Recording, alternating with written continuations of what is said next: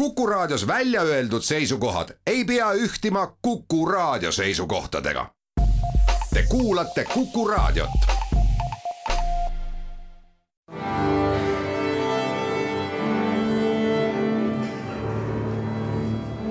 daamid ja härrad, Eesti Kontserdi saade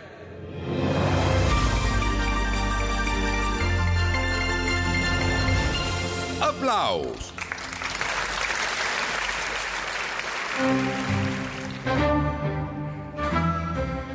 Tere kõigile, Eesti Kontserdi saade Applaus, mina olen Lauri Aav täna räägiksin ühest orkestrist, kes on juba selle nädala lõpul oma kontsertidega pea viies erinevas Eesti linnas. kujutate ju, et orkestrite kontserdireise planeeritakse ette nii kaks-kolm aastat. see kontserdireis tekkis meie plaanidesse umbes kolm nädalat tagasi see on orkester, kes alustas oma ringreisi Itaaliasse kahekümne kolmandal veebruaril, päev enne sõda. see on kammerorkester Kiievi solistid.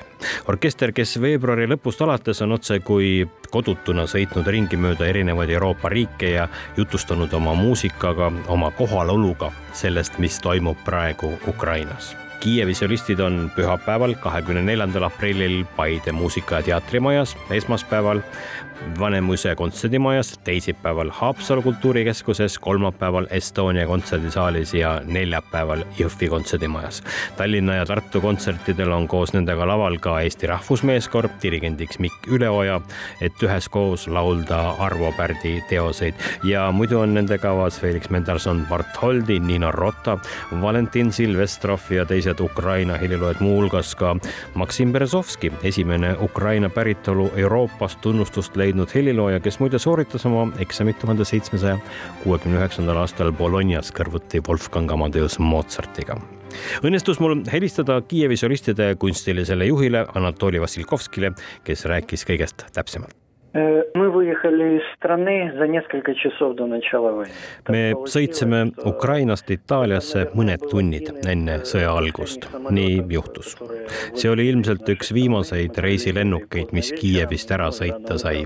lendasime hilja õhtul minema ja järgmisel hommikul sugulased helistasid ja äratasid meid juba teadetega, et sõda on alanud. loomulikult oli see šokk esimeste päevade proovid ja kontserdid möödusid mingisuguses unelaadses seisundis. me väga ei tajunud, mis ümberringi toimub, mida teha sellises olukorras, kuidas olla ja käituda loomulikult arutasime omavahel, kas leping üldse peatada ja koju naasta.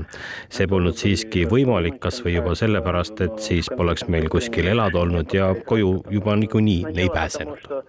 hiljem jõudis kohale, et meie missioon ongi olla siin, anda kontserte ja võimalikult laialt kogu Euroopas teadvustada, mis tegelikult Ukrainas praegu toimub infoallikaid on Euroopas palju, osad neist on paraku venelaste väärinfo edastajad.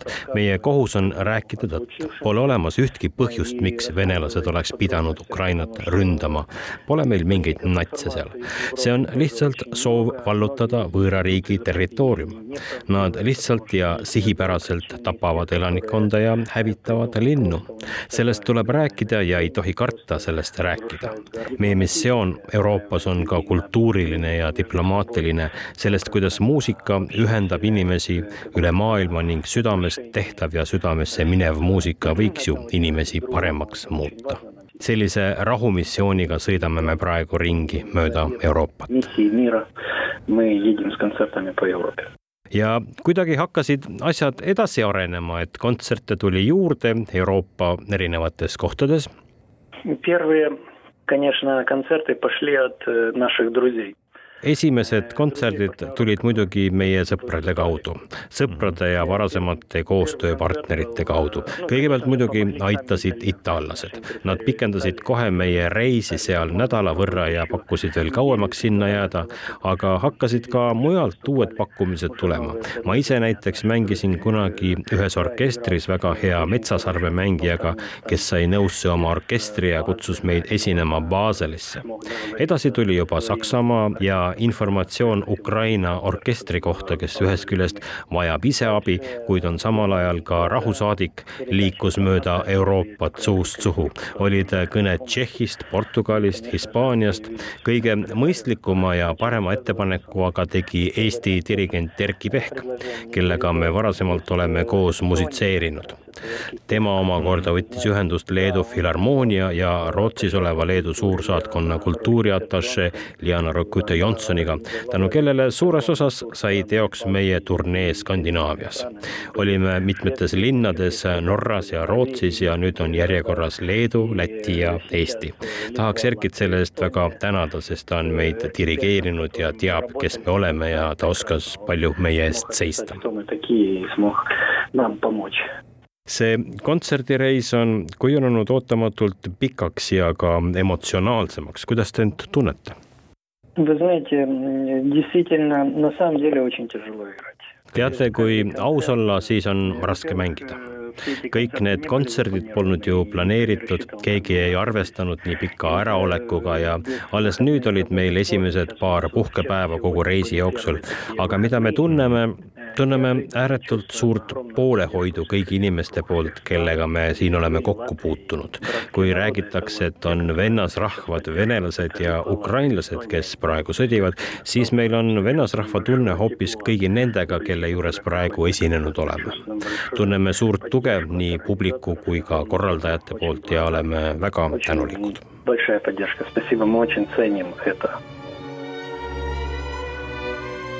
Tegemist on Ukraina kõige väljapaistvama kammerorkestriga ja just Kiievi solistid mängisid kahekümne teisel veebruaril kahe tuhande kaheksateistkümnendal aastal Eesti Vabariigi saja aasta pidulikul vastuvõtul Ukraina Filharmoonias.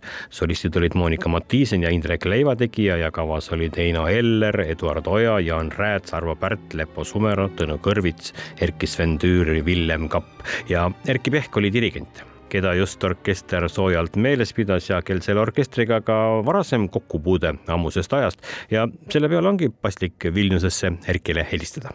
Tegelikult mitte nii väga kaugest ajast, et ütleme, et viimane kontsert sai nendega tehtud äh, vahetult enne, kui see suur pandeemia hakkas, nii et tegelikult on meil päris mitu projekti ka õhku jäänud, aga noh, need röövis, ütleme siis niimoodi, see Covid ja tõenäoliselt nüüd lükkuvad nad ka tõsiselt edasi, sest ilmselgelt praegu kontserte Ukrainas ei tehta ja loomulikult mitte. no kuidas sinuni jõudis info sellest, et orkester on Itaalias ja nende kodumaal algas sõda, noh, see oli meile kõigile teada? see oli kohe samal päeval, nii kui mina hommikul üles ärkasin ja sellest õudusest kuulsin, siis no loomulikult esimese asjana võtsin ma ühendust oma tegelikult noh, võin julgelt öelda sadadesse inimestesse kuuluva sõpruskonnaga kuhu siis kuuluvad kõik ooperilauljad ja dirigendid ja, ja muusikud, orkestrandid, keda ma tunnen Ukrainast.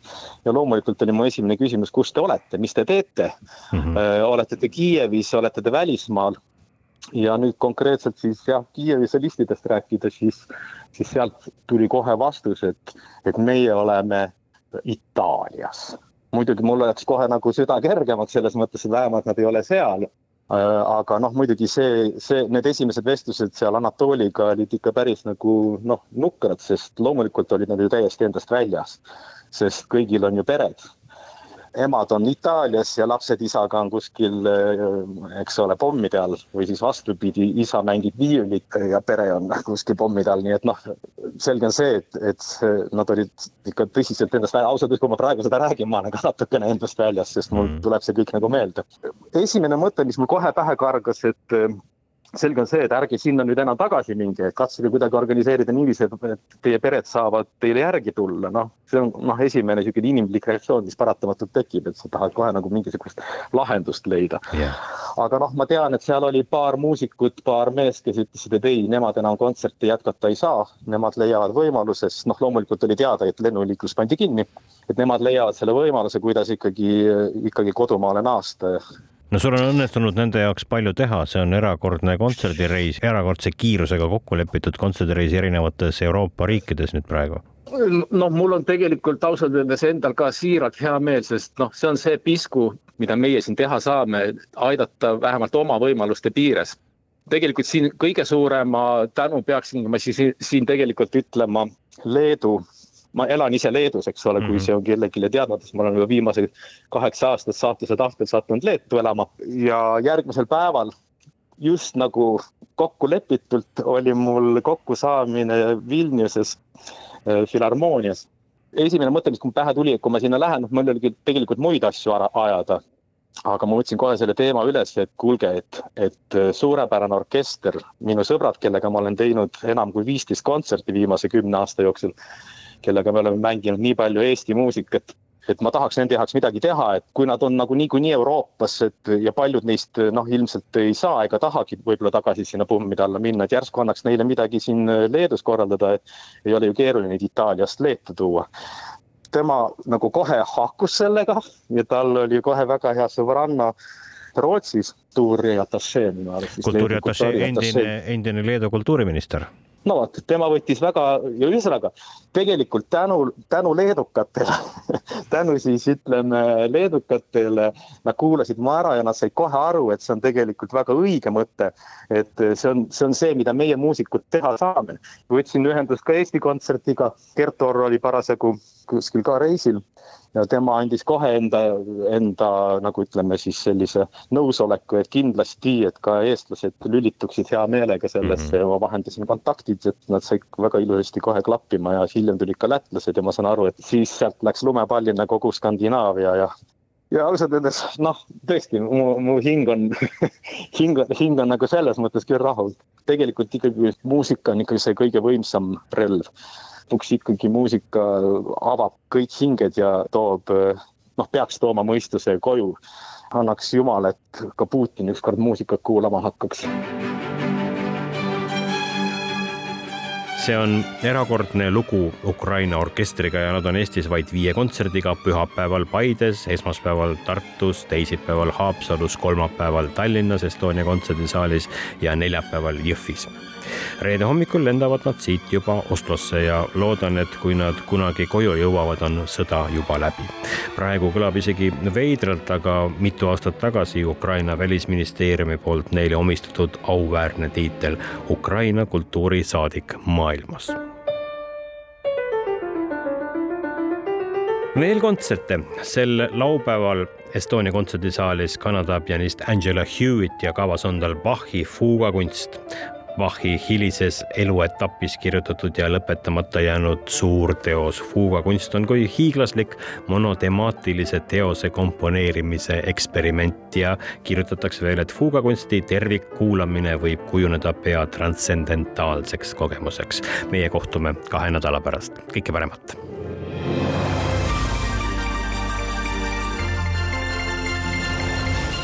aplaus